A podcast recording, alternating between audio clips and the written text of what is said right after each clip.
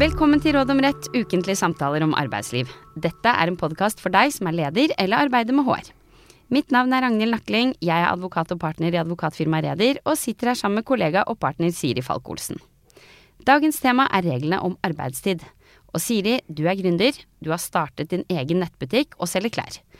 Lenge så besto virksomheten bare av deg, og du har jobbet veldig mye for å få den opp å stå. Under og etter koronapandemien så har nettsalget tatt helt av, og du besluttet å utvide.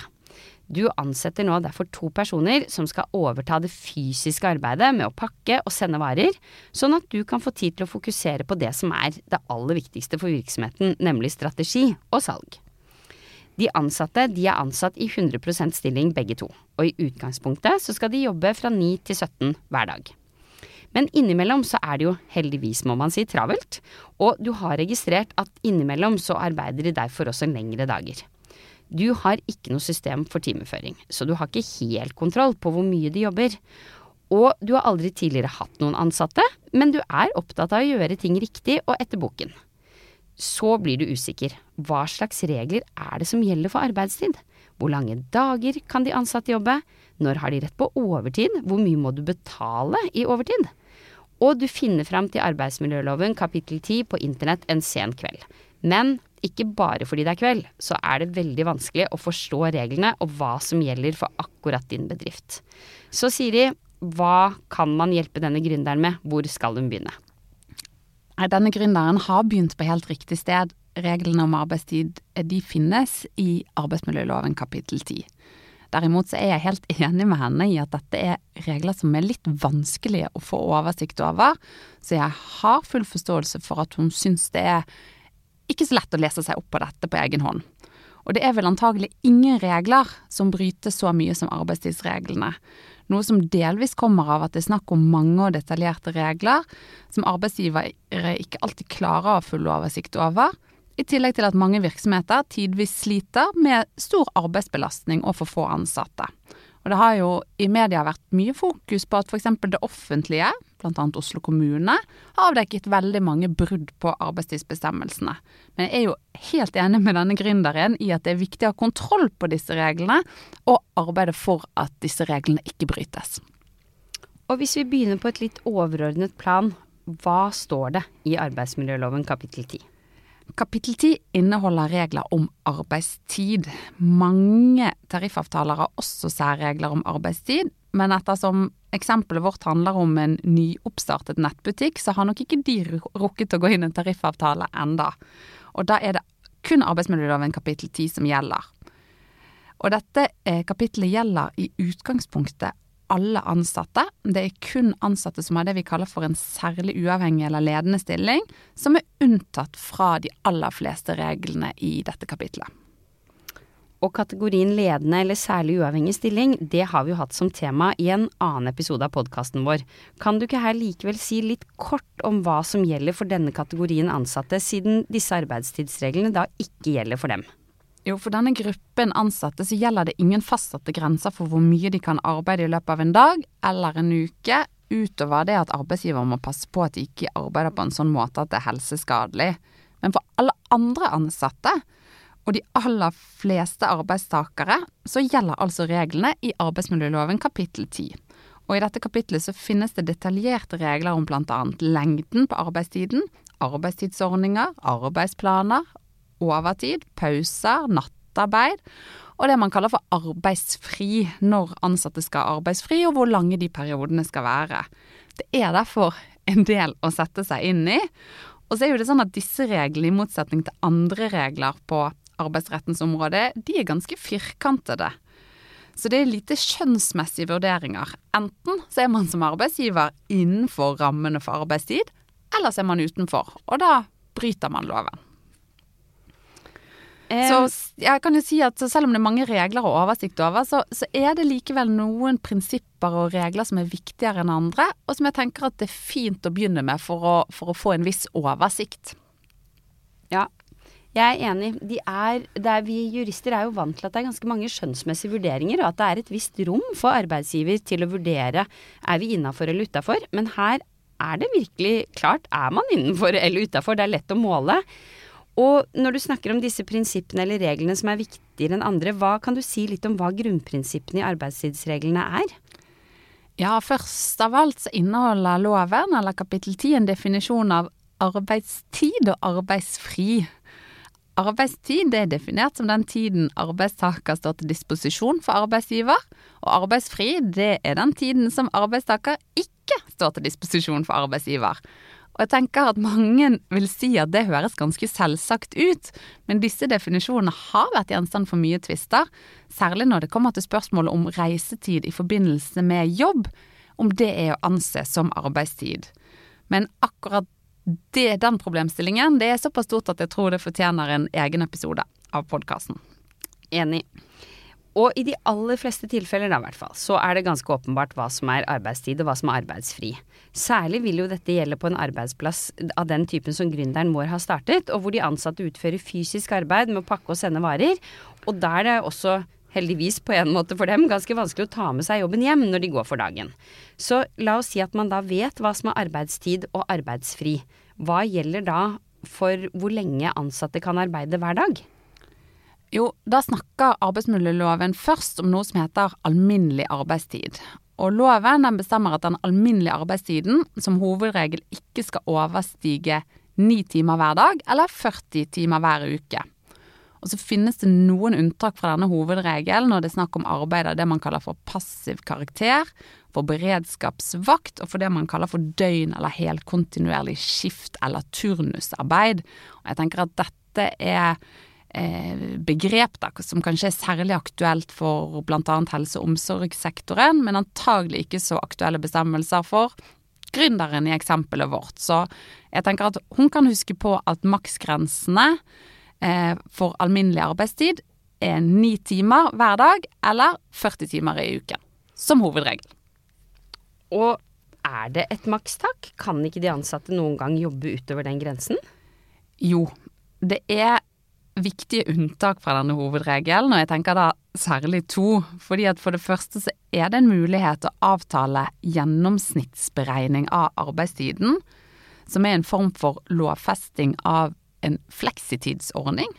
Og det innebærer litt enkelt sagt at ansatte kan arbeide mer noen dager mot at de arbeider mindre andre dager, men i snitt skal arbeidstiden bli den samme, dvs. Si maks 40 timer per uke. Men også det er et ganske stort tema som vi vil ta i en egen eh, episode. Og det andre viktige unntaket i tillegg til gjennomsnittsberegning, hva er det? Jo, det er reglene om overtid. Eh, arbeidsmiljøloven åpner for at ansatte kan arbeide overtid når det er et særlig og tidsavgrenset behov for det. Og dette betyr at lovgiver anerkjenner at det kan være behov for at ansatte arbeider overtid, men arbeidsgiver kan ikke basere virksomheten sin på at de ansatte hver dag arbeider ekstra. Det skal altså være knyttet til det man kaller eh, et særlig og tidsavgrenset behov.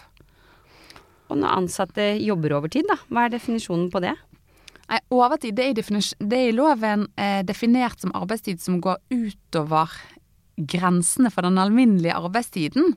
Så det vil si at hvis en ansatt arbeider utover ni timer hver dag, eller mer enn 40 timer i løpet av en uke, så vil dette etter lovens hovedregel være overtid. Og hva må arbeidsgiveren passe på når ansatte arbeider overtid? Arbeidsgiver må for det første passe på at de ansatte ikke arbeider mer overtid enn grensene som er bestemt i loven. Og for det andre så må arbeidsgiver betale overtidsgodtgjørelse eller overtidskompensasjon for overtidstimene. Og som vanlig, det, det, første først, hvor mye overtid kan ansatte jobbe lovlig? Ja, Som et utgangspunkt så skal overtidsarbeidet ikke overstige ti timer i løpet av syv dager. Det skal ikke overstige 25 timer i løpet av fire sammenhengende uker. Og så skal det ikke overstige 200 timer innenfor en periode på, på ett år. Så dette er grenser som arbeidsgiver må passe på at overholdes når de ansatte tidvis arbeider overtid. Og hvis man skulle lure på, da, la oss si at denne gründeren har kjempesuksess, men ikke ansetter så mange flere, og det blir mye bruk av overtid, selv om det jo skal være litt særlig og tidsavgrenset behov. Er det noen mulighet for å utvide de grensene for overtid? Kan man noen ganger jobbe mer enn det du sa, ti timer i løpet av syv dager osv.?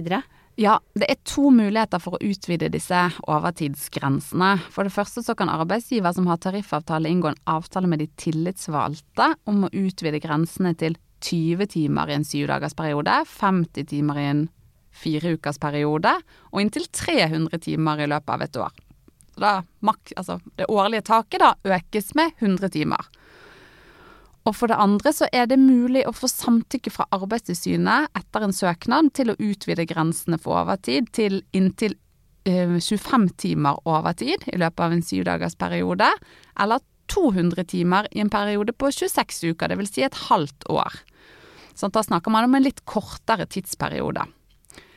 Det som er viktig å huske på med begge disse to grunnlagene, det er at denne formen for det man kan kalle utvidet overtid, det kan bare pålegges arbeidstakere som har sagt seg villig til det.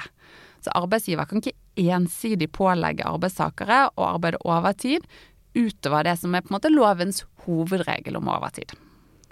Og Betyr det da at arbeidsgiver kan pålegge arbeidstakere å arbeide overtid i samsvar med det som er lovens hovedregel om overtid? Altså 10 timer i uken, 25 timer i fire uker og inntil 200 timer i løpet av et år? Nja, ikke helt. Ikke alltid. Eh, for det står i loven at eh, arbeidstaker har rett til å bli fritatt fra å utføre arbeid som går utover den avtalte arbeidstiden, når arbeidstaker av helsemessige eller vektige sosiale grunner ber om det. Og så I tillegg så må arbeidsgiver også frita, frita arbeidstakere som ber om det, hvis eh, arbeidet um, uten skade kan utsettes eller utføres av andre. Så det finnes jo da også i loven noen muligheter for arbeidstakere til å be om fritak da, for overtidsarbeid. Men, men, utgangspunktet vil jo være at arbeidsgiver har en anledning til å pålegge overtid innenfor um, denne lovens hovedregel om overtid. Mm. Og da har vi snakket litt om hvor mye overtid man kan jobbe lovlig, og hvilke grenser som er om det. Hvis man da ser på dette med hvordan overtid skal kompenseres, som også var et av spørsmålene som daglig leder stilte seg i, i hodet i sin lille bedrift, fins det regler om overtidstillegg, og hva man skal betale da? Ja, arbeidsmiljøloven har en bestemmelse om at overtidsarbeid skal ha et overtidstillegg på minimum 40% Og det er verdt å nevne at det faktisk er den eneste regelen som finnes i arbeidsmiljøloven og som sier noe om hva arbeidsgiver skal betale. Fordi at lønn og betaling er ellers et forhold som ikke er regulert i loven. Eh, så denne regelen om minimum 40% overtidstillegg, det er et unntak fra dette utgangspunktet. Mm. Og vi får jo noen ganger spørsmål fra arbeidsgivere. Må vi betale 50% eller 100% overtid for overtidsarbeid, enten på visse tider av døgnet eller på bestemte dager? Dette er jo en rød dag, skal jeg ikke betale mer da, eller hvordan er det? Men det står vel ikke noe om det i loven? Nei, arbeidsmiljøloven har ingen bestemmelser om dette. Og derimot så er det mange tariffavtaler som har regler om 50% eller 100% overtidstillegg. Så hvis virksomheten er bundet av en tariffavtale, så er det veldig viktig å sjekke om tariffavtalen har særlige bestemmelser om overtidsgodtgjørelse som er annerledes enn arbeidsmiljølovens utgangspunkt om minimum 40% for det er det ganske mange tariffavtaler som har. Absolutt, og der er det vel også verdt å nevne at det kan være veldig ulike typer tariffavtaler innenfor ulike bransjer, og også at tariffavtaler, som vi snakker om det i en annen episode, men både kan være veldig store tariffavtaler, hovedavtalen, og det kan være lokale eh, tariffavtaler, særavtaler i den enkelte virksomhet. Men et annet spørsmål som vi får jevnlig, da, det er jo om arbeidsgiver kan la ansatte ta fri, altså avspasere overtidstimer i stedet for å utbetale dem. Ja, det er en bestemmelse i loven som sier at det er mulig å la ansatte avspasere overtidstimer, men, og det er et viktig men her, og det er at selv om arbeidstaker avspaserer, så må overtidstillegget på minimum 40 utbetales betales. Så den plikten til å betale selve overtidstillegget, den plikten for arbeidsgiver, den bortfaller ikke selv om den ansatte avspaserer. Det er ganske viktig å huske på. Mm. Og så er det jo Disse arbeidstidsreglene er jo fordi man skal blant annet da, ivareta krav om fullt forsvarlig arbeidsmiljø. Og det må man jo også ha kontroll på. Men ansvaret for å ha kontroll på hvor mye de ansatte jobber, det, det er det kanskje regler om også egne regler om timeføring, f.eks.? Ja, på en måte så er det det, fordi at det er en bestemmelse i loven om at arbeidsgiver skal ha en oversikt som viser hvor mye den enkelte arbeidstaker har arbeidet. Og denne oversikten skal være tilgjengelig hvis Arbeidstilsynet gjennomfører tilsyn, og den skal også være tilgjengelig for de tillitsvalgte. Og akkurat denne bestemmelsen syndes det nok en del mot eh, i praksis, fordi at det er ganske mange arbeidsgiver som ikke har et, et system da, for timeføring. Samtidig så er det jo sånn at hvis det ikke føres en oversikt over hvor mye de ansatte arbeider, så er det jo faktisk heller ikke mulig å ha kontroll på at arbeidstidsbestemmelsene i arbeidsmiljølovens kapittel 10 faktisk overholdes. Så denne gründeren vår som var opptatt av å gjøre ting etter boka, hun må skaffe seg et timeføringssystem. Ja, og det trenger jo ikke å være annerledes enn at de ansatte bes om å føre tid for hvor mye de arbeider hver dag. Eh, det vil jo være en god start. Men sånn som det var det, det, i eksempelet vi fikk høre om, så hadde man jo ingen kontroll. Man visste rett og slett ikke hvor mye de arbeidet. Og det vil kunne være en utfordring. Hvis du skal prøve å oppsummere dagens tema, Siri, de viktigste tingene gründeren vår må passe på når det gjelder arbeidstid, hva vil du da trekke frem? Ja, da vil jeg trekke frem at husk på at utgangspunktet det er det vi kaller for den alminnelige arbeidstiden. Hvis det ikke er inngått avtale om gjennomsnittsberegning, så er den alminnelige arbeidstiden maks ni timer hver dag og maks 40 timer per uke. Og så er det viktig å huske at arbeid utover grensene for alminnelig arbeidstid, det vil være overtid, og da skal det betales overtidskompensasjon på minimum 40% Og til slutt ha kontroll på hvor mye de ansatte arbeider, og at det føres en oversikt over arbeidstiden som kan fremvises hvis Arbeidstilsynet gjennomfører tilsyn, men også for å ha en kontroll på at arbeidstidsreglene overholdes. Det var det vi hadde i dag. Dersom det er noen av dere som har ønsker om hvilke temaer vi kan ta opp i podkasten, så må dere gjerne sende disse til oss på rana at raeder.no eller sifa at raeder.no. Det vil vi da se på og ta opp i en av de neste episodene våre. Men vi kommer nå tilbake med nytt tema og nye tips i andre og følgende episoder.